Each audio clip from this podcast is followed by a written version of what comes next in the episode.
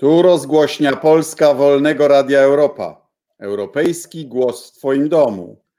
Dzisiaj będzie o kraju bliskiemu, bliskim memu sercu, kraju, w którym zaczynałem um, pierwsze kroki dziennikarskie i kraju, o którym mówi dzisiaj cały świat.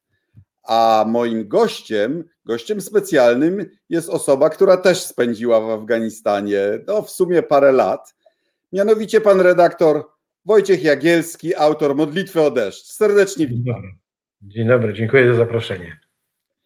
Panie redaktorze Wojtku, no to są już milsi, lepsi, e, zreformowani talibowie, dotrzymają tych zapewnień, e, które składają publicznie, że kobiety w ramach szariatu, proszę bardzo, nie ma sprawy, e, chcą uznania międzynarodowego, nie ma powrotu do lat sprzed ich wygnania z Kabulu z 2001 roku. Co sądzisz? No ja nie wierzę w te zapewnienia. Mm, wydaje mi się, że w zależności od publiczności talibowie mówią rozmaite rzeczy, ponieważ wiedzą, że e, słuchają ich dziennikarze czy politycy zachodni, z którymi jednak troszkę się liczą, bo, bo, bo jednak te pieniądze, które będą mieli albo nie będą mieli, będą zależały od tego, czy z zachodu się udostępni, czy nie, to mówią e, właśnie takie rzeczy, żeby zyskać sobie jakąś akceptację, a przynajmniej wzbudzić nadzieję, że są innymi ludźmi niż, niż byli e, pod koniec lat 90. A z drugiej strony rzecznik talibów mówi o tym, że no przecież żadnej demokracji nie będzie w Afganistanie, no bo być nie może, no bo będzie szariat i będzie kraj urządzony po szariacku. E, tak samo z, kobiet, z prawami kobiet. Oni nigdy nie mówili, że e, nie będą uznawać jakichkolwiek praw kobiet. Owszem, będą uznawać wszystkie te, które są zapisane. W ramach szariatu. W ramach szariatu, tak, oczywiście. No więc w te zapewnienia wierzę, natomiast no, wyzbądźmy się chyba złudzeń i nadziei, że raptem. Dobra, ale w ramach szariatu kobiety mogą pracować, a poprzednio tak. nie mogły nawet pracować, prawda? To znaczy, tutaj ja mam jakąś swoją własną obserwację. Nie jestem znawcą szariatu, ale nie wydaje mi się, żeby jakakolwiek religia zabraniała kobietom pracować. Natomiast Dobra. E, islam a szczególnie ten prowincjonalny, peryferyjny w wykonaniu talibów, nie tylko zresztą, bo w ojczyźnie proroka tak samo taka zasada obowiązuje, rozdzielności płci. E, oni uznali, że jeżeli mężczyźni i kobiety mają ze sobą do czynienia w pracy, w autobusach, w szkołach, to jest to takie, taka pokusa, takie wodzenie do grzechu, że po prostu człowiek się nie powstrzyma. Więc lepiej przed tym grzeszników strzec i rozdzielić te płci. O ile Saudyjczyków stać na to, żeby rozdzielić i płci, i roczniki prawdopodobnie i według kolorów włosów, to Afgańczyków nigdy na podobne eksperymenty nie było stać. I oni e, muszą decydować o jakichś priorytetach. Wiadomo, że dla afgańskiego mężczyzny, nie tylko taliba, priorytetem będzie praca i szkoła dla chłopców, a nie dla dziewcząt. E, I stąd się bierze e, ta fatalna sytuacja kobiet. No, o noszeniu burek, Owszem, szariat mówi o przystojnym e, wyglądzie, o przystojnym przyodziewku, no ale mamy do czynienia z rozmaitymi wersjami tego przystojnego. No to są już, prawda, kulturowe uwarunkowania. A, ale tak. cofnijmy się do początku, bo też e, na pewno zauważyłeś, że w Polsce e, dość powszechnie myli się talibów z mujahedinami. Więc po pierwsze zdefiniujmy kategorię, prawda? No, będzie to kłopot to byli ci, którzy walczyli z Sowietami w latach 80. Ruch talibów po, e, powstał w połowie lat 90. w okolicach Kandaharu i był po części kreacją wywiadu pakistańskiego, prawda?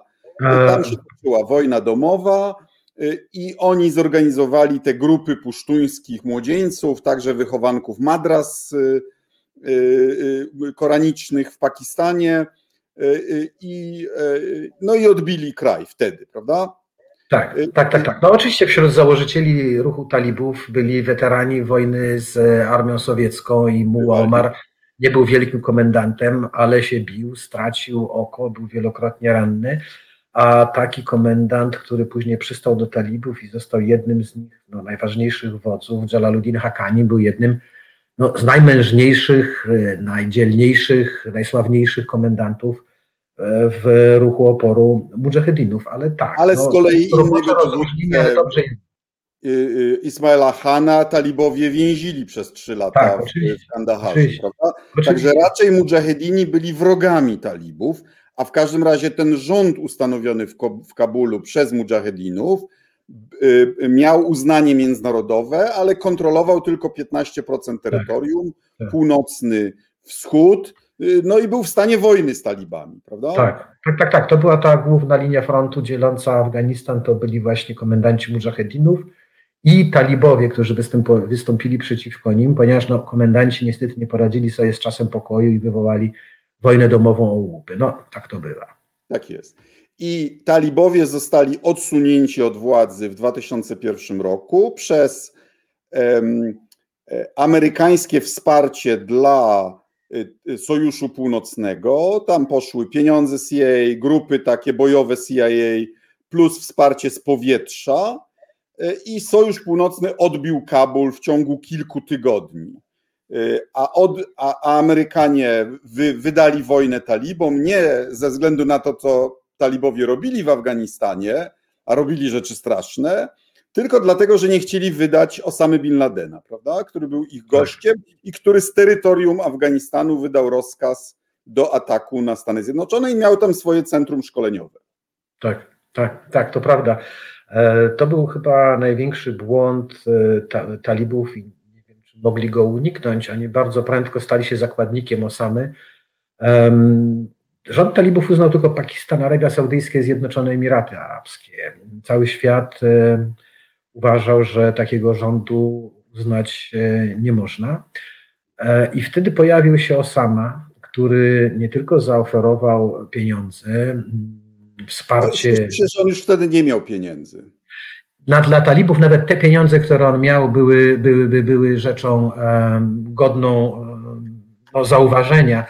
Um, oni też e, wciąż uważali Osamę za człowieka, któremu są winni wdzięczność za to, co on zrobił w latach 80. On, syn bogatego bardzo przedsiębiorcy budowlanego, skoligoconego niemalże z rodziną królewską, E, porzucił to wygodne życie i pojechał bić się do Afganistanu w świętej wojnie. I, i oni uważali, że za, za to no, są, mu wdzięczni, są mu winni przynajmniej wdzięczność i gościnę. A Osama był wtedy banitą. On e, musiał uciekać z Sudanu. Tam mu się teren palił pod nogami i zaproszenie z Afganistanu no, było dla niego jakby ocaleniem. On początkowo zresztą nie sami talibowie go zapraszali, on przyjechał na zaproszenie innych komendantów do wschodniego e, Afganistanu, a potem został jakby przejęty przez talibów, wiedział jakich podejść. On, e, człowiek wykształcony i światowy jednak, e, zaczął nazywać mu Omara prawie że kalifem, przywódcą wszystkich muzułmanów świata. No, wiedział jak ich kupić, a oni mu pozwalali mieć te swoje bazy na południu Afganistanu, szkolić tych swoich ochotników. On zresztą wykonywał za nich wiele zadań, także bojowych, bo ci Arabowie, ochotnicy sprawdzali się. No to było taki poligon, powalczyć sobie w wojnie domowej w Afganistanie.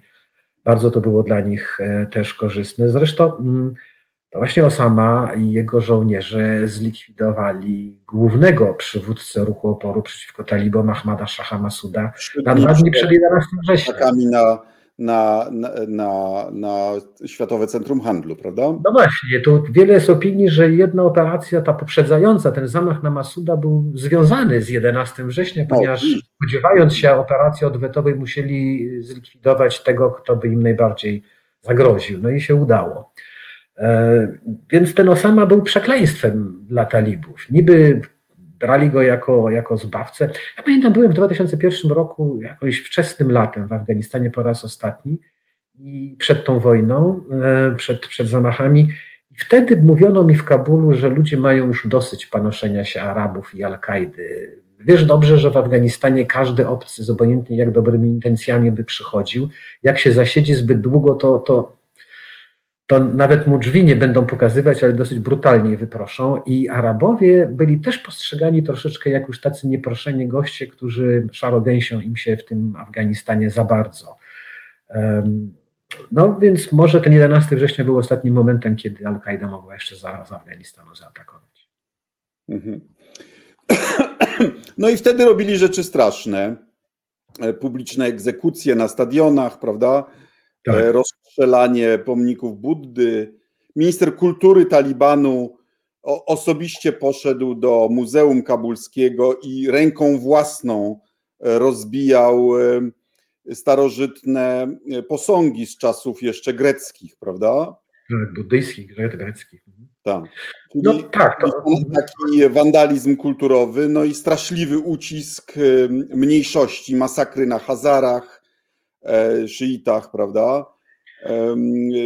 I, i, i straszne e, traktowanie kobiet. Tak, no to był ten, ten, ten, ten talibowie w 96 roku, kiedy wkraczali do Kabulu, byłem tam wtedy i widziałem, że ludzie to przyjmowali ich jakby z taką ulgą, bo mieli nadzieję, że skończą się czasy tej strasznej wojny domowej, tej niepewności, zapanuje porządek i święty spokój. Ale ten pokój, czy ten porządek i spokój, jaki zapanował w Afganistanie za rządów talibów, on bardziej przypominał taki więzienny spokój, gdzie owszem, jak się przestrzega określonych reguł, to kara dodatkowa na człowieka nie spadnie, ale, ale jest w więzieniu. I Afganistan talibów no, był dla Afgańczyków e, więzieniem, bo oni wszyscy są muzułmanami, ale niekoniecznie e, patrzącymi na świat tak, jak to, jak to patrzyli talibowie. Tradycyjnie niefanatycznymi. E, na tak. przykład w czasie wojny ze Związkiem Radzieckim nie było ani jednego ataku samobójczego. Afgański... Pierwsze ataki samobójcze w Afganistanie to zdaje się były właśnie te zamachy na Ahmada Shaha Masuda. Mylę się pewnie, ale no, tak mi się wydaje. Później nawet po lądowaniu Amerykanów, kiedy ta wojna partyzancka zaczęła też coraz chętniej sięgać po terroryzm, te pierwsze zamachy samobójcze autorami też nie byli Afgańczycy. Zresztą pamiętajmy Ale może... Jak... Czyli ta, talibowie w, w, w ataku samobójczym, prawda? Tak, tak, tak, tak. Zresztą dobrze, jak zawsze próbuję, czy usiłuję przypominać, jak mówimy o wojnie z terroryzmem, terroryzmie, dżihadyzmie, to, że Afgańczyków nie było ani jednego wśród zamachowców z 11 września, ani jednego wśród organizatorów. W ogóle mm, zamachy bombowe, a już zwłaszcza samobójcze, no, nigdy w Afganistanie wcześniej nie wchodziły jakiś taki elementarz taktyczny żadnych komendantów partyzanckich, nawet tych najzajadlejszych, bo jeszcze w czasach, no, kiedy ty jeździłeś do Afganistanu, kiedy oni się bili z armią radziecką, przecież ani Hekmatyar, ani ten Hakani do głowy by im nie przyszło, żeby samobójczych ataków e, dokonywać. Owszem, rzucić się na czołg w pojedynkę z wiązką granatów, no, to jest trochę innego rodzaju e, atak samobójczy i to nie tylko w Afganistanie próbami powstrzymania wroga. Afganistan jest jednak innym krajem teraz niż był nawet w 2001 roku. Prosta rzecz. Wtedy e, mało kto miał telefon komórkowy, dzisiaj smartfony mają prawie wszyscy, prawda? Czyli mają dostęp do informacji z całego świata. Olbrzymia diaspora, i to nie tylko w Pakistanie, w Iranie, ale także w, w Unii Europejskiej. Kabul, e, który który jak ja tam byłem e, w latach 90., to było takie morze ruin. Tam dosłownie było kilka jakichś odrapanych budynków przy głównej ulicy. Teraz jest sześciomilionową metropolią. E, I to metropolią, która, jak słusznie e, wskazuje nasz ostatni ambasador, pułkownik Łukasiewicz, nie ma własnego zasilania prądu ta tama na Helmandzie nie wystarcza. Prąd musi być importowany z zagranicy, z Uzbekistanu i Tadżykistanu. Y, więc Afganistan nie jest w stanie przetrwać, przeżyć bez wsparcia zewnętrznego. No i teraz już argumentuje, no i ci talibowie jednak przebywając tam w tych Emiratach czy w, w Dubaju, no musieli się czegoś nauczyć, bo, bo ten ich przywódca no, przez lata mówił inaczej i, i teraz nadal mówi inaczej. I to jest jedna możliwość, że rzeczywiście y, y, y, się czegoś nauczyli. A druga, no to, to jest inna, że mianowicie wiele reżimów udaje, że jest czymś innym na początku sprawowania władzy, gdy czuje się niepewnie, prawda? W Polsce komuniści, gdy przejęli władzę, przez pierwsze trzy lata E, Bierut chodził w procesjach e, e, w Boże Ciało, prawda? Dopiero po trzech latach przykręcili śrubę. E, więc jak, on, jak sądzisz, czy oni się trochę zmienili, czy jednak to jest tylko udawanie na początku? Ja myślę, że oni się nie zmienili i najchętniej większość z nich to od razu by zaprowadziła takie porządki, jakie funkcjonowały w Afganistanie w latach 90. Oczywiście, że też się nauczyli i na pewno zrezygnują z rzeczy, które wtedy im nie wyszły, albo się nie sprawdziły, albo okazały się dla nich problemem, a nie jakąś zdobyczą. E, nawet e, chyba lepiej, lepiej nauczyli się tych wszystkich spraw związanych z tym tak zwanym PR-em wojennym, bo to oni zdobywali rząd dusz w Afganistanie, prowadząc wojnę przeciwko Amerykanom i rządowi kabulskiemu, a nie rząd kabulski, wspierany całą tą taką machiną propagandową, w zasadzie mądrzejszych od nas, jeśli idzie o reklamę, to na świecie być nie powinno, a tam się okazało, że przegraliśmy tą wojnę propagandową e, z talibami. Ja oglądałem e, e, konferencję prasową talibów. Mają rzecznika mówiącego bardzo poprawnym angielskim. Świetnym zagraniem propagandowym było, był ten telefon do studia telewizyjnego, no. gdzie rzecznik talibów. No, tak się dziwnie. Możemy oczywiście wierzyć w przypadki, one też się zdarzają, ale akurat w środku programu prowadzonego przez właśnie tę dziennikarkę dzwoni akurat rzecznik talibów po to, żeby coś zakomunikować. E, to od nich idzie inicjatywa. E, to nie ona dzwoniła do rzecznika talibów, tylko rzecznik talibów dzwonił, dzwonił do niej. Wiedzą, i to świadczy o tym, że się wiele nauczyli. Tylko wszystko to, czego się nauczyli, będą wykorzystywali przeciwko swoim przeciwnikom, a nie po to, żeby ich sobie zjednać. Talibowie e, nawet o swoich rodaków nie będą zabiegać o poparcie, przecież tam się nie spodziewają żadnych wyborów. Oni zaprowadzają państwo Boże i są, spodziewają się za to wdzięczności i posłuszeństwa, niczego więcej. Myślę, no dobra, że. Ale reprezentują jednak Pusztunów. To jest 39-40% społeczeństwa. Tak. Afganistan jest bardzo zróżnicowanym krajem etnicznie. A, a, a poza Pusztunami to poparcia dla talibów specjalnego nie ma, prawda? No, w każdym razie nie było. Natomiast te 20 lat, kiedy bliżej władzy byli Tadżycy, to jest jakaś jedna czwarta ludności, to jest ten sojusz północny, który pomógł Amerykanom wygrać wojnę z talibami, a potem w ramach zapłaty wziął dla siebie sporo stanowisk w rządzie, nieproporcjonalnie więcej niż sami stanowią e, jakby demograficznie. E, I oni przez te 20 lat zdążyli się koncertowo skompromitować w oczach swoich rodaków. Korupcją, pychą, arogancją, wszystkimi. Wszystkie, tak, to, to po prostu jest nieprawdopodobne. Um, więc e, to po pierwsze stracili to poparcie. E, po drugie, talibowie to jest jedna z rzeczy, których się nauczyli, że zaniedbali poprzednim razem właśnie północ. I nie, nie mogli wygrać z północą, z tym Masudem, nie tylko dlatego, że on sobie siedział tam w Dolinie Panshiru, czy, czy w Talokanie, e, czy w Badachszanie, tylko przede wszystkim przez ten przez te graniczne, północne prowincje miał dostęp do Tadżykistanu i do, mógł sobie sprowadzać, co chciał poza kontrolą talibów.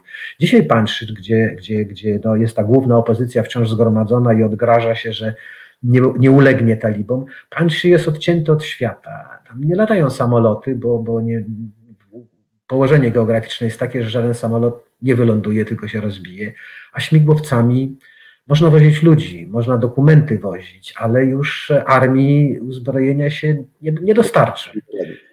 I, I to jest kolejna rzecz. Pani Marii Lempaszek. Przerażenie wzbudza to, że, że 80 tysięcy talibów rozpędziło utworzoną przez Amerykanów 300 tysięczną armię afgańską. Mało tego dołączyli do talibów. Po pierwsze, nie 300 tysięcy, zdaje się, tak. Tam było bardzo duża ilość y, martwych dusz, na którą dowódcy pobierali żołd, a chowali go do kieszeni. Pewnie 120, 150 tysięcy, prawda? Ale y, y, y, tutaj ważniejsze jest co innego. To nie było zwycięstwo wojskowe talibów nad armią afgańską.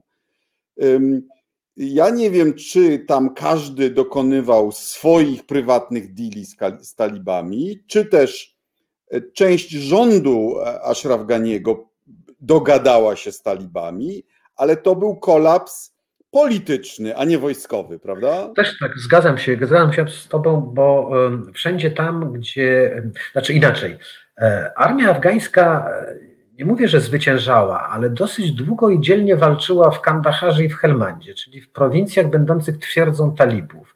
Tam armia afgańska spodziewała się głównego uderzenia, nie spodziewała się, że zostanie zaatakowana na północy, tej bezpiecznej, tej swojej. W związku z tym na północy nie było, albo mniej było wojska afgańskiego, a były te nieszczęsne zbrojne milicje, te arbakaje, które Amerykanie później pozwolili jednak odtwarzać.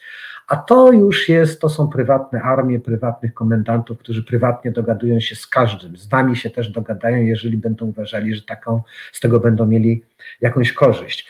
E, w Afganistanie nie powiódł się ten eksperyment, który przecież jest stosowany we wszystkich armiach świata. Mianowicie, że jeżeli do wojska się bierze chłopaka z północy, to najchętniej się go posyła na południe, a tego z południa na północ, e, po to, żeby miał dalej od domu, żeby był w koszarach, żeby go nic nie kusiło. No w Afganistanie to się nie sprawdziło, dlatego że chłopak z Badachszanu nie widział, nigdy wcześniej nie był w takim Helmandzie, być może nawet nie mówił po pasztuńsku jako Tadżyk i nie widział powodu, dla którego on miałby się narażać za życie Helmandczyków. Podobnie Helmandczyk, któremu by przyszło służyć na północy.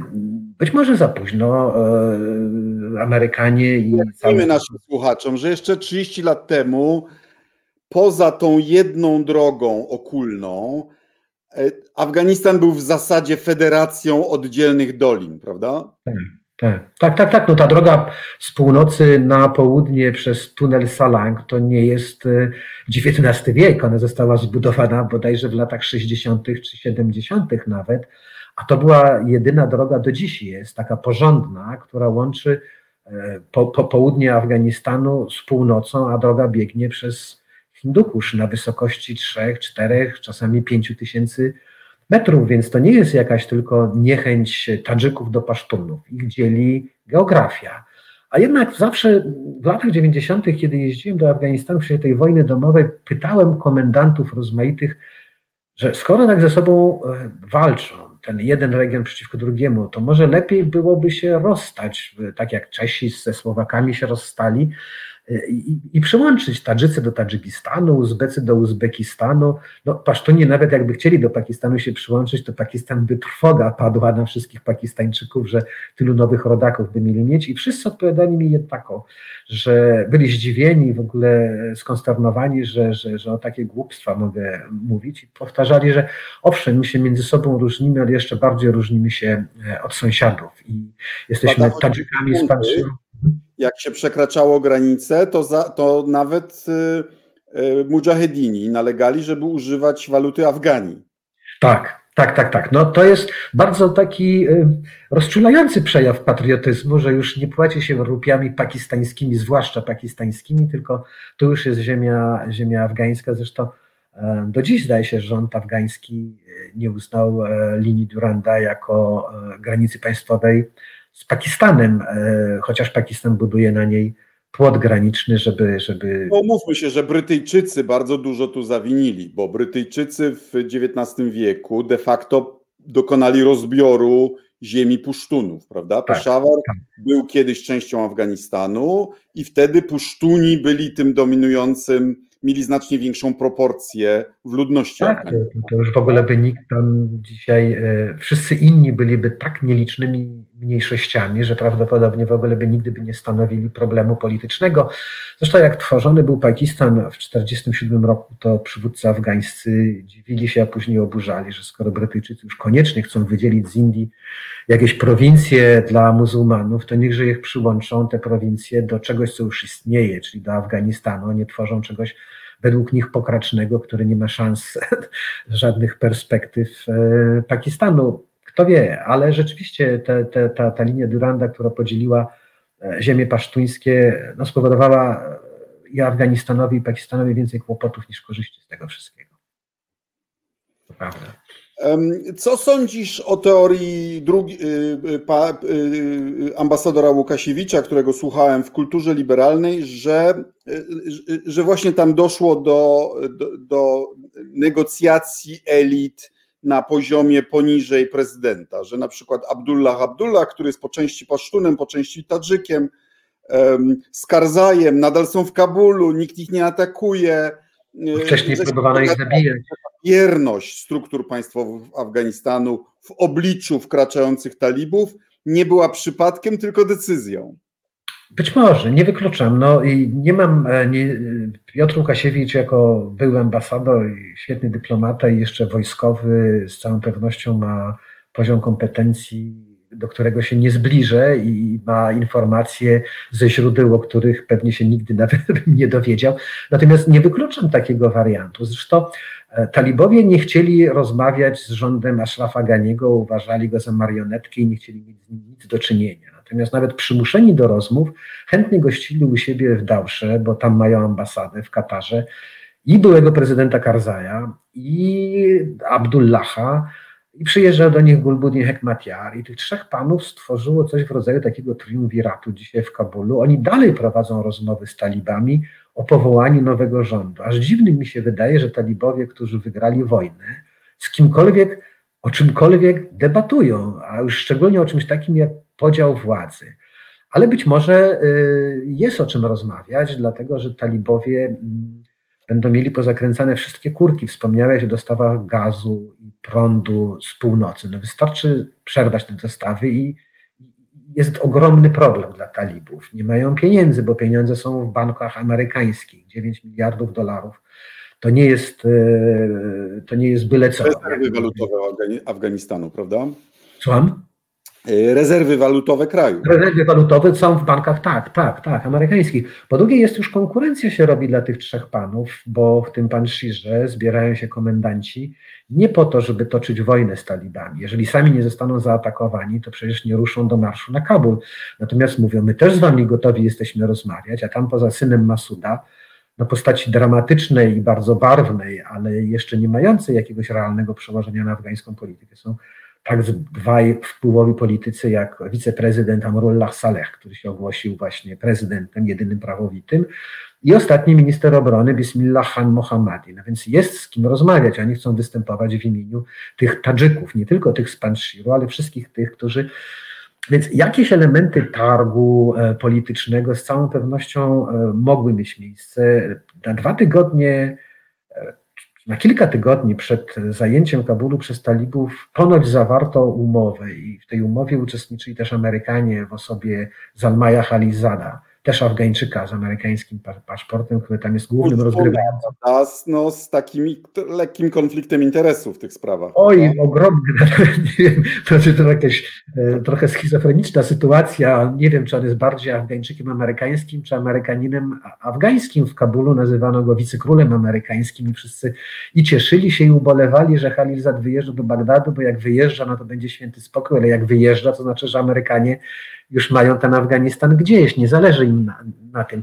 I że podobno ustalono wtedy, że na dwa tygodnie talibowie mają ogłosić zawieszenie broni i w ciągu dwóch tygodni właśnie Karzaj, Abdullah i talibowie mieli dobić jakiegoś targu politycznego. Popsuł to wszystko Ashraf Ghani uciekając. E, no ale w takiej sytuacji, kiedy dochodzą, jesteśmy dowódcami armii afgańskiej i słyszymy stąd i zowąd, a to amerykański prezydent zapraszać chce talibów do Camp David, a tu się dogadują na przykład, to będziemy słuchać swoich własnych ministrów, wojewodów i będziemy ryzykować życie, skoro już jest wszystko... To jest tak jak umrzeć za trzecią Rzeszę w 2 maja 45, prawda? Tak, tak. Więc troszkę mniej może człowiek jest zdziwiony bierności tej armii afgańskiej, że no nie widziała powodu, dlaczego ci żołnierze prości mają walczyć, skoro wszyscy inni podjęli układy, dogadują się i oni będą jedyni, którzy na tym wszystkim stracą. Zresztą talibowie wykorzystali ten czas doskonale, bo już w lutym 2020 roku dostali od prezydenta Trumpa informację, że Amerykanie na 100% wyjdą i to w maju 2001 roku. I jedynego, czego oczekiwał od nich Trump, to było to, żeby talibowie nie strzelali do wycofujących się Amerykanów, a Amerykanie obiecali, że nie będą strzelać do talibów, więc dla talibów to było zielone światło, że mogą sobie do Afganistanu przechodzić w takiej liczbie, jaką tylko zbiorą i robić, co im się żywnie podoba i oblegać te wiejskie posterunki e, nie już w 10, w 20, ale w 2000 na przykład, co sprawiło, że, że, że i ci dowódcy lokalni w jakichś tam garnizonach pustynnych e, mniejszą gotowość bojową i ducha bojowego w sobie odnajdywali niż, niż wcześniej.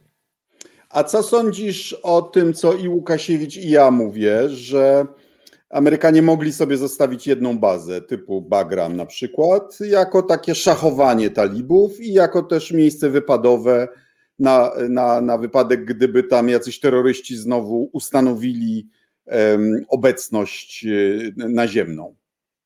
Uważam, że te negocjacje, które podjął Trump z talibami są chyba największą, no może nie, wizerunkowa klęska jest ogromna i nie tylko, ale, ale ten, te, te rokowania były kompletną klapą. Niczego Amerykanie od talibów nie wydusili. No. Kompletnie niczego. Żadnego zobowiązania na piśmie. E, no owszem, po 20 latach wojny cierpliwość społeczeństwa amerykańskiego jest na całą pewnością na wyczerpaniu, ale mm, myślę, że coś Amerykanie wytargować mogli. Mówiło się o tym, że, że chcieli zachować bazy, trzy, cztery, no to chociaż tą jedną. Jeżeli talibowie obiecali, że nie będą mieli nic wspólnego z Al-Kaidą, no jeżeli Amerykanie mają tego pilnować z lotniskowców w Zatoce Perskiej, no to przepraszam, e, to, to, to, to, to, to, to niepoważne. A co innego, gdyby się już miało coś w Bagramie. Może i ta ewakuacja by inaczej się odbywała. Z całą pewnością można byłoby nie dopuścić dziennikarzy z kamerami i nie wyglądałoby to tak dramatycznie jak dzisiaj na lotnisku w Kabulu. Nie mam pojęcia. Wydaje mi się, że to A rozmowy. tymi negocjacjami kompletnie podcięli nogi rządowi w Kabulu, prawda? Tak, to jest. To jest znaczy, wydaje mi się, że oni gdzieś w którymś momencie przestali nad tym wszystkim już panować, bo rząd w Kabulu nie chciał, przestał ich słuchać. Już za czasów prezydenta Karzaja Afgańczycy nie byli tacy powolni, jak Amerykanie sobie może wyobrażali. Może trzeba było z nimi od samego początku inaczej rozmawiać, może więcej szacunku, może ci Afgańczycy też już mieli dosyć tych Amerykanów, którzy im mówili budujcie tu, a nie tam, tego awansujcie, tego wyślijcie. No w każdym razie mieli już siebie jak w złym małżeństwie. Jedni i drudzy mieli siebie powyżej uszu. No ale jak się roz, podejmuje negocjacje bezpośrednie z wrogiem, no to ten rząd kabulski, którego talibowie nazywali marionetką, no to Amerykanie jakby dali potwierdzenie tej opinii, że tak, to jest nasza marionetka i nie ma co sobie nimi zawracać głowy. Rozmawiajcie z nami, a talibowie od samego początku to, to, to mówili. Niczego Amerykanie nie wytargowali dla siebie. Rozmawiali z talibami w swoim własnym imieniu, a nawet imieniu prezydenta Trumpa, któremu głównie zależało na reelekcji, e, podejrzewam, Nikt nie reprezentował w czasie tych rozmów rządu afgańskiego, a przecież no, Ameryka była przedstawicielem w tym Nie, rozmów. ale zaraz, Abdullah Abdullah brał udział w tym procesie. Ale już jako e, nie przedstawiciel rządu, tylko tej komisji takiej pozarządowej, niby to była taka synekura, no trzeba było coś dać Abdullahowi, no bo, bo, bo poza rządem był niebezpieczny. E, po drugie, myślę, że on jako taki no, sprytny, nie wiem czy skuteczny negocjator, dyplomata, no, znający ich wszystkich, bo przecież zna ich jeszcze od czasów, ja pamiętam doktora Abdullaha poznałem jako tłumacz Ahmada Shaha Masuda. W życiu nie, nie pomyślał, że, że, że, że stanie się takim, e, taką gwiazdą na, na afgańskiej scenie politycznej. No więc w tych negocjacjach e, żądano wszystkiego od rządu kabulskiego i nie dawano niczego w zasadzie w zamian. Żadnego terminu podjęcia rozmów, żadnego zawieszenia broni, ba mało. Kazano nawet Afgańczykom wypuszczać z więzień talibów, chociaż Afgańczycy dobrze wiedzieli, że prosto z więzienia oni pójdą nie do, żeby uprawiać pola, tylko do swoich oddziałów. I, tu, I tu zatrzymajmy się na moment, bo jedną rzecz talibowie już zrobili.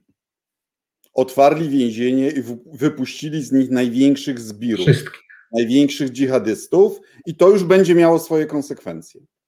I kto wie, czy to nie jest, e, znowu nie zostawili jakiegoś sidła, w które sami się wpakują, dlatego że w więzieniach w Bagrami w Kandaharze byli więzieni nie tylko talibowie, ale także partyzanci z państwa islamskiego, a ono tam e, pod Hindukuszem swoją filię też otwarło i to jako pierwszą na Chorasan. Szczęśliwie dla nas, dla Zachodu, talibowie uznali państwo islamskie za też tak, za, za, strasznego konkurenta i wroga, i talibowie z tym państwem islamskim walczą. No ale dzisiaj talibowie już nie walczą z obcym okupantem, są w stolicy, teraz za miesiąc, dwa, za rok oni będą rozliczali ze, rozliczani ze swoich rządów, z obietnic. Kto wie, czy e, panowie wypuszczeni dzisiaj z Bagramu i Kandaharu nie staną na czele oddziałów państwa islamskiego, które będą zarzucały talibom, że są marionetkami nie wiadomo kogo, że są koniunkturalistami, że są zdrajcami, że łamią obietnice i nie zacznie się nowa wojna, taka wojna, odpukać, bo tego nie życzmy Afganistanowi, ale jako mieliśmy miejsce w Syrii przecież, wojna między Al-Kaidą i państwem islamskim o to, kto jest większym, bardziej nieprzejednanym dżihadystą. E, wcale niemożliwe, nie jest to niemożliwe. ONR a, a Ordo Juris u nas, prawda? Na przykład, aż tak daleko może niesprawiedliwe, ale może potem bomby i kałasznikowy się nie sięga, ale zapiekłość przeciwników, no to na podobnym poziomie. Afgańczycy są zmęczeni wojną, prawda? To jest też bardzo młode społeczeństwo. Wielu z nich nie pamięta już pierwszych rządów talibów, prawda? Prawda. Nawet trudno sobie, no samemu mi jest ciężko sobie uzmysłowić, że rok 2001 był 20 lat temu. E, tak samo jak odkryciem dla mnie była uświadomienie sobie, że urodziłem się 15 lat po wojnie. No to 15 lat po wojnie to jest jeszcze krócej niż 20 lat od 11 września. Dzisiejsi 20-30-letni Afgańczycy ani nie pamiętają rządów talibów, ani nie wiedzą, co to było 11 września. Przez ostatnie 20 lat widzieli tylko obce wojska i partyzantów, którzy mówili, że walczą z obcym okupantem. No, przyznawali im rację. Byli ci obcy żołnierze, może nie najpaskudniejsi, ale jednak. E, było to przykra obserwacja, ale do 2010 roku jeszcze jeździłem do Afganistanu i sam byłem świadkiem paru nieprzyjemnych zdarzeń w Kabulu, kiedy wybuchała bomba, a wiadomo było, że bombę podłożyli jacyś zamachowcy z tamtej strony, ale ludzie, e, jak tylko otrząsnęli się z szoku, e, stawali w demonstracjach przeciwko Zachodowi, przeciwko Ameryce, bo to, to myśmy byli winni, bo to, bo to Zachód był powodem, powodem tej wojny. I jeszcze jedno, jak wspominasz o młodym Afganistanie, Patrząc na te obrazki z Kabulu i na tą rozpacz e, ludzi próbujących z Kabulu uciec e, na zachód, pamiętajmy jedno, że 80% ludności Afganistanu nie żyje w wielkich miastach. Nie w Kabulu, nie w Mazar, nie w Heracie, tylko na wsi. To wieś płaciła cenę krwią za wojnę w latach 80., nie miasta. E, w Kabulu, w Mazar kwitł handel z Rosjanami, a wojna... No, teraz też... z ziemią praktycznie. Tak, a, a, a, a to oczywiście tak, ale ta wojna toczyła się na terenach wiejskich, na tej prowincji. Ta obecna wojna też się toczyła. Znaczy, prowincja nie uszczknęła z tak, tych dobrodziejstw. Ziemią y, dopiero mujahedini w, w czasie wojny domowej w latach 90., jak wiesz, premier Hekmatiar własną stolicę ostrzeliwał z rakiet. To też jedyny w historii premier chyba, który, żeby dotrzeć do swojej stolicy, najpierw się postanowił zrównać z ziemią.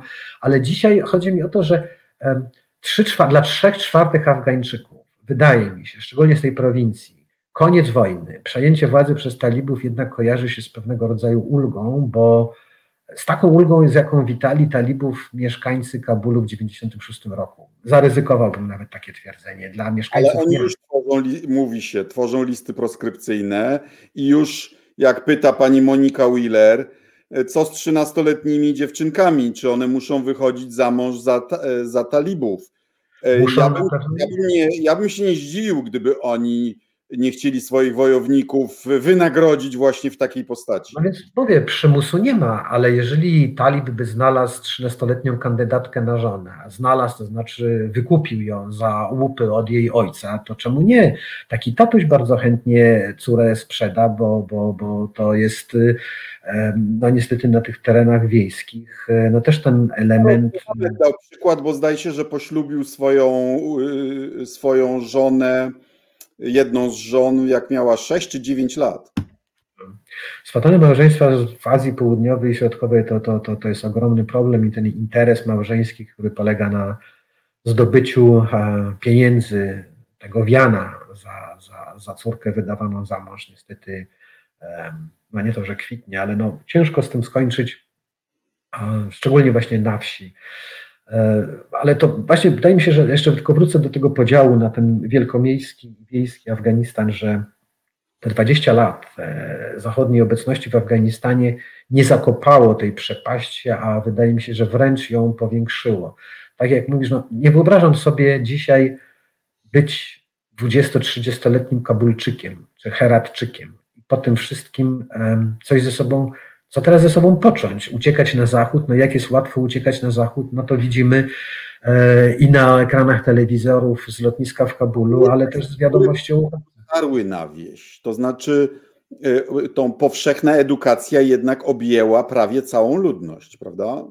To prawda, to prawda, ale jednak mieście można było żyć przez te 20 lat nie myśląc, snując jakieś plany, wybiegając myślą w przyszłość. No, zdarzały się zamachy bombowe, ale myślę, że one aż tak bardzo się na ludzkim, ludzkich osobowościach nie odbijały. A jeżdżąc po Afganistanie tym prowincjonalnym, no już nie na własną rękę, bo, bo po 2001 roku było to zbyt ryzykowne albo w ogóle niemożliwe, no, na każdym kroku spotykałem się z opowieściami, że za dnia ci wieśniacy muszą e, rozliczać się ze swojego życia z żołnierzami armii rządowej i towarzyszącymi im Amerykanami, Czechami, Polakami czy zachodnimi wojskami, a po zmierzchu przychodzą do nich talibowie z pytaniem, e, co żeście zrobili dla nich w zamian za to, że oni wam zbudowali na przykład szkołę. E, I, i takie życie w takim permanentnym szantażu, no wydaje mi się, że, że nie do zniesienia było. Na wsi też nastąpiły zmiany. No chociażby zaczęta jeszcze w czasach króla e, tama na rzece Harirud powyżej Heratu została dokończona i jest, ele jest elementem systemu irygacyjnego Doliny Harirud i, i generuje y, elektryczność dla całej olbrzymiej doliny, prawda? To samo w Helmandzie. Czy wyremontowano i uruchomiono tą elektrownię wodną na Helmandzie, którą jeszcze tak. w 70. Amerykanie budowali. Ale tam gigantycznym kosztem jednak zbudowano podstaw, znaczy drogi, których nigdy nie było, są, prawda? Handel jest teraz możliwe coś, co nigdy przedtem w historii Afganistanu nie było możliwe. To znaczy produkty rolnicze tych, tych bardzo żyznych czasami dolin afgańskich dzisiaj można wywieźć na eksport, e, na rynki w ciągu kilku dni, e, gdzie przedtem tam, żeby się stamtąd wydostać, to tydzień czy dwa, prawda? Gdzie już wszystko tak. by zmarnowało. To prawda. Znaczy, wiemy doskonale, jak łatwo człowiek się przyzwyczaja do lepszego. Pamiętam pierwsze równiuśkie asfaltowe drogi w Afganistanie były dla nich po prostu odkryciem nowego świata. Najbardziej niebezpieczne momenty, jakie przeżyłem w ciągu tych 20 lat jeżdżenia do Afganistanu, to było właśnie wtedy, kiedy wsiadałem w Kabulu do jakiejś rozklekotanej Toyoty, z kierowcą, który nią jeździł, ale nigdy nie jeździł po czymś tak równym jak asfaltowa droga do Jalalabadu i tą przełęczą hajberską on pędził z prędkością 100 na godzinę i tak patrzył, ile ten samochód jeszcze, jeszcze wyciągnie i to było przerażające. Oni z taką prędkością się nie poruszali. Prawa, prawie, prawa jazdy się nie przyjęły, prawda? Nikt też dowodów, te, przyglądów technicznych nie wymagał, e, ani drogówki nie było. Drogówka jak stała, to pobierała myto, ale ja w latach 90. pamiętam czasami szybciej się szło niż jechało tym samochodem terenowym, bo, bo, bo, bo drogi były tak samo zniszczone paskudnie, ale szybko się do tego przyzwyczaili Afgańczycy, tak jak do tych telefonów komórkowych. Przecież w latach 90., e, kiedy jeździłem do Afganistanu, musiałem brać ze sobą telefon satelitarny, bo tam nawet prądu nie było. Z ja samochodu. Korespondencję sztafetą wysyłałem w latach 80. Zupełnie prawie gołąbiami gołębiami pocztowymi, ale pamiętam, współczułem bardzo w Kabulu, zawsze pozwalałem z tego swojego telefonu dzwonić takiemu znajomemu cinkciarzowi, którego sam wymieniałem pieniądze. Jego dramat widziałem, że on w Kabulu nie wiedział, ile kosztuje dolar tego samego ranka w Peszawarze. Cwany Pakistańczyk mógł przyjechać i go oszwabić po prostu pół majątku mu zabrać. Dzięki tym moim telefonom się dowiadywał, jaki jest kurs w Peszawarze i mógł ustawiać e, na kabulskich bazarach. Ale szybko się przyzwyczaili do tego. Kiedy weszła telefonia komórkowa, oni to łyknęli jakby coś, co po prostu gdzieś przez przypadek przeoczyli. Pamiętam Loja Dżirgę w 2002 roku, kiedy wszyscy chodzili ci delegaci mając jeden, dwa, trzy telefony. Ja miałem wrażenie, że oni do siebie dzwonią, bo te dzwonki w tych kieszeniach po prostu jak orkiestra symfoniczna, nie wiadomo na jaką melodię. E, tylko oni się do tego wszystkiego przyzwyczaili, uważali, może słusznie, że, że no ileż mogą być wdzięczni za ale, tą infrastrukturę. Ale, ale to jednak jest zasługa. Pokazują, że można mieć technicznie nowoczesny, w miarę nowoczesny kraj, a jednocześnie fundamentalistyczną, archaiczną politykę. No niestety, taka, taka sprzeczność właśnie, nie wiem czy to właśnie, czy to nie jest to, na czym ta nasza zachodnia misja dobrej woli, wierzę wciąż, potknęła się, że e, my z naszymi nawykami, przyzwyczajeniami, troszeczkę z tą terminowością, z kadencyjnością, próbowaliśmy w Afganistanie i dla Afgańczyków robić coś dobrego, chyba trochę nie licząc się z tymi wszystkimi niedoskonałościami może afgańskimi albo innościami. Y, y, praprzyczyną jest to, że sądziliśmy, że jak trochę po marksistowsku, że jak stworzymy podobne warunki techniczne, to społeczeństwo też się zmodernizuje. A to niestety nie ma, tak nie działa. To znaczy, trzeba było myśleć od początku w kategoriach y, znacznie bardziej politycznych, to znaczy tego układu plemiennego, Y, y, tych, tych zależności, tych y, środowisk różnych, bo na koniec przecież armia afgańska miała i helikoptery, i logistykę amerykańską, i wszystko, a, a, a problem się okazał polityczny, a nie techniczny. No tak, i dzisiaj też się okazuje, że, że wszystko to mają, tylko nie ma kto latać, bo, bo nie, nie wykształcili się aż tak dobrze. Kto wie, e, na pewno tak, tych powodów będzie cała litania Sądzę, że gdyby to Brytyjczycy, a nie Amerykanie, jakby zamienić Amerykanów z Brytyjczykami, to Brytyjczycy, mając swoje własne doświadczenia kolonialne chociażby i większą wiedzę na temat Afganistanu, może poradziliby sobie lepiej. Ja pamiętam, i z jednej strony było to rozczulające. Spotkałem takiego pułkownika, który był wojskowym, ale jednocześnie, ale raczej zajmował się sprawami cywilnymi. I ja mu się tak pytałem no właśnie o cel tej misji i tak dalej. On mówi, no my chcemy im zbudować demokrację. Mówi, wiem, że to nie jest moja Montana, bo on był z Montany, ale skoro w Montanie udało nam się zbudować porządne, godziwe, godne życie, to i dlaczego miałoby się tutaj nie udać? No więc tym okazuje się, że Montany w Afganistanie w tym... Tym bardziej, że na szczeblu takim najbardziej lokalnym, tam demokracja pewnego rodzaju zawsze była. Ale oczywiście, że tak, tylko myśmy ją uważali, że to jest e, wioskowa korupcja i w ogóle aż wstyd, że coś takiego jest. Ale to jest czwarta forma rządów, oczywiście tylko dla mężczyzn, ale prawdziwe konsultacje, prawdziwe dialogie. Absolutnie. Ta demokracja afgańska w postaci tych rad, e, małych, dużych i tych największych, świetnie funkcjonowała od Bóg wie kiedy, może dawniej niż u nas e, demokracja partyjna z całą pewnością.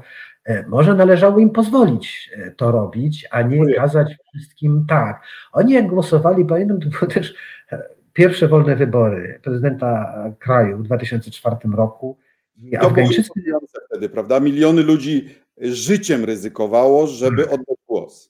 Tak, a jednocześnie e, dziwili się, dlaczego oni nie mogą tego swojego głosu oddać swojemu Malikowi. Niech ten Malik jedzie do Kabulu, niech on sam ryzykuje e, swoim życiem, skoro jest Malikiem i nie głosuje za nich. Wie, ile ludzi jest we wsi, wie, na kogo wieś głosuje, bo się zebrali i ustalili, że lepszy jest Karzaj, a nie Kanuni. No więc, no więc w czym problem? A tu przyjeżdżają ja Amerykanie. Ja po wsiach, że tam nagle starszyzna uznała, a, kobiety też mają głos. To niech głosują, bo przecież dzięki temu nasza wieś będzie miała więcej wpływu. To też prawda, to też prawda. Ten, ten, ten procent głosujących kobiet, czy kobiet e, na rozmaitych posadach, e, bardzo e, był czymś ważnym w takich kalkulacjach. No właśnie, a ile tu od rządu dostaniemy? Ile nam dadzą Amerykanie, bo mamy tutaj tylu i tyle posłanek? Czy te posłanki miały jakikolwiek wpływ? To jest inna sprawa, ale w papierach E, robiło wrażenie. W tej, w tej, w tej kulturze kancelaryjnej, politycznej e, odgrywało swoją rolę. E, no, będziemy się nad tym zastanawiać, co było powodem, albo co największym, naj, naj, naj, najboleśniejszym powodem tego, że w tym Afganistanie się tak nie, nie udało i nie udało w sposób taki spektakularny, bo to zakończenie tej afgańskiej misji naprawdę jest niesprawiedliwie um, przykre. Ona nie zakończyła się aż takim, taką klęską, jakby to wynikało z obrazu. estetycznie wyglądać. Tak, tak, tak, tak, tak. To uważam, że tu jest, o ile uważam, że prezydent Biden e, był w jakimś sensie zakładnikiem negocjacji, które prowadził jego poprzednik Donald Trump. Zresztą Biden, tak samo jak Trump, uważał, że z wojsk z Afganistanu powinno się wycofać już lata, lata temu i nie ukrywał tego, jeszcze będąc wiceprezydentem u Obamy. On był jako jeden z nielicznych, który sprzeciwiał się e, rozszerzeniu, powiększeniu tego kontyngentu do 100 tysięcy. Uważał, że. Korajdowi na Bin Ladena. I był przeciwko, tak. Uważał, że stamtąd trzeba jak najprędzej wychodzić. Kto wie, czemu ktoś za to nie przyzna racji, ta tak zwana historia, ale sposób, w jaki e, to wszystko nastąpiło, nie wiem ile w tym winy prezydenta Bidena, ale na niego, na niego to się, na jego, jego sumienie to obciąży, czy powiedzmy na jego tą kartę polityczną. No, bardzo, bardzo, bardzo, bardzo to, to, to, to, to nieładnie wyglądało i, i wygląda. Zadam ostatnie pytanie. Jak sądzisz, czy ty albo ja, jako reporterzy, będziemy mogli jeszcze do Afganistanu pojechać pod talibami? Nie wiem, czy ty się wybierasz do Afganistanu, ja nie, ale myślę, że teoretyzując, e, myślę, że tak, że e, Afganistan pod rządami talibów pozostanie przez jakiś czas. Wydaje mi się, że nikt im tej władzy dzisiaj nie odbierze, a najgorszym rozwiązaniem, i wtedy tą władzę mogą stracić, to jest jak wywołają wojnę domową, bo to oni, oni mają dzisiaj, myślę, że oni są dzisiaj, mogą być ciężko przestraszeni, że oto wygrali wojnę na polu walki, czy przekupili, no w każdym razie w sposób spektakularny. Czyli no, politycy, e, większość polityków takich problemów sobie życzy, żeby mieć problemy sprawowania władzy. No tak, tak, tak. Tylko potem przychodzi, że na przykład trzeba e, zajmować się tak prozaicznymi sprawami jak kanalizacja, jak dostawy prądu, jak wypłata e, terminowa płac urzędnikom to nie są czasy, oni obejmują władzę nie po biednych, chudych latach wojny domowej z lat 90. Oni przychodzą do kraju, który nawet skorumpowany, ale jakoś funkcjonował i moim zdaniem to były najlepsze, najlepsze lata Afganistanu, jeśli idzie o gospodarkę, o postęp. E, kto wie, może od wieków. No więc oni będą się musieli mierzyć e, z tym Afganistanem. Będą musieli przekonać tych Afgańczyków, którzy nie wyjadą, a miliony zostają w kraju, tysiące chcą wyjechać, że y, nie są, że pod ich rządami nie będzie im gorzej. Będzie to dużo trudniejsze zadanie. Zachodnie myślenie. Oni chcą kalifatu islamskiego i jak ludzie chcą iść do Allaha, to bardzo dobrze.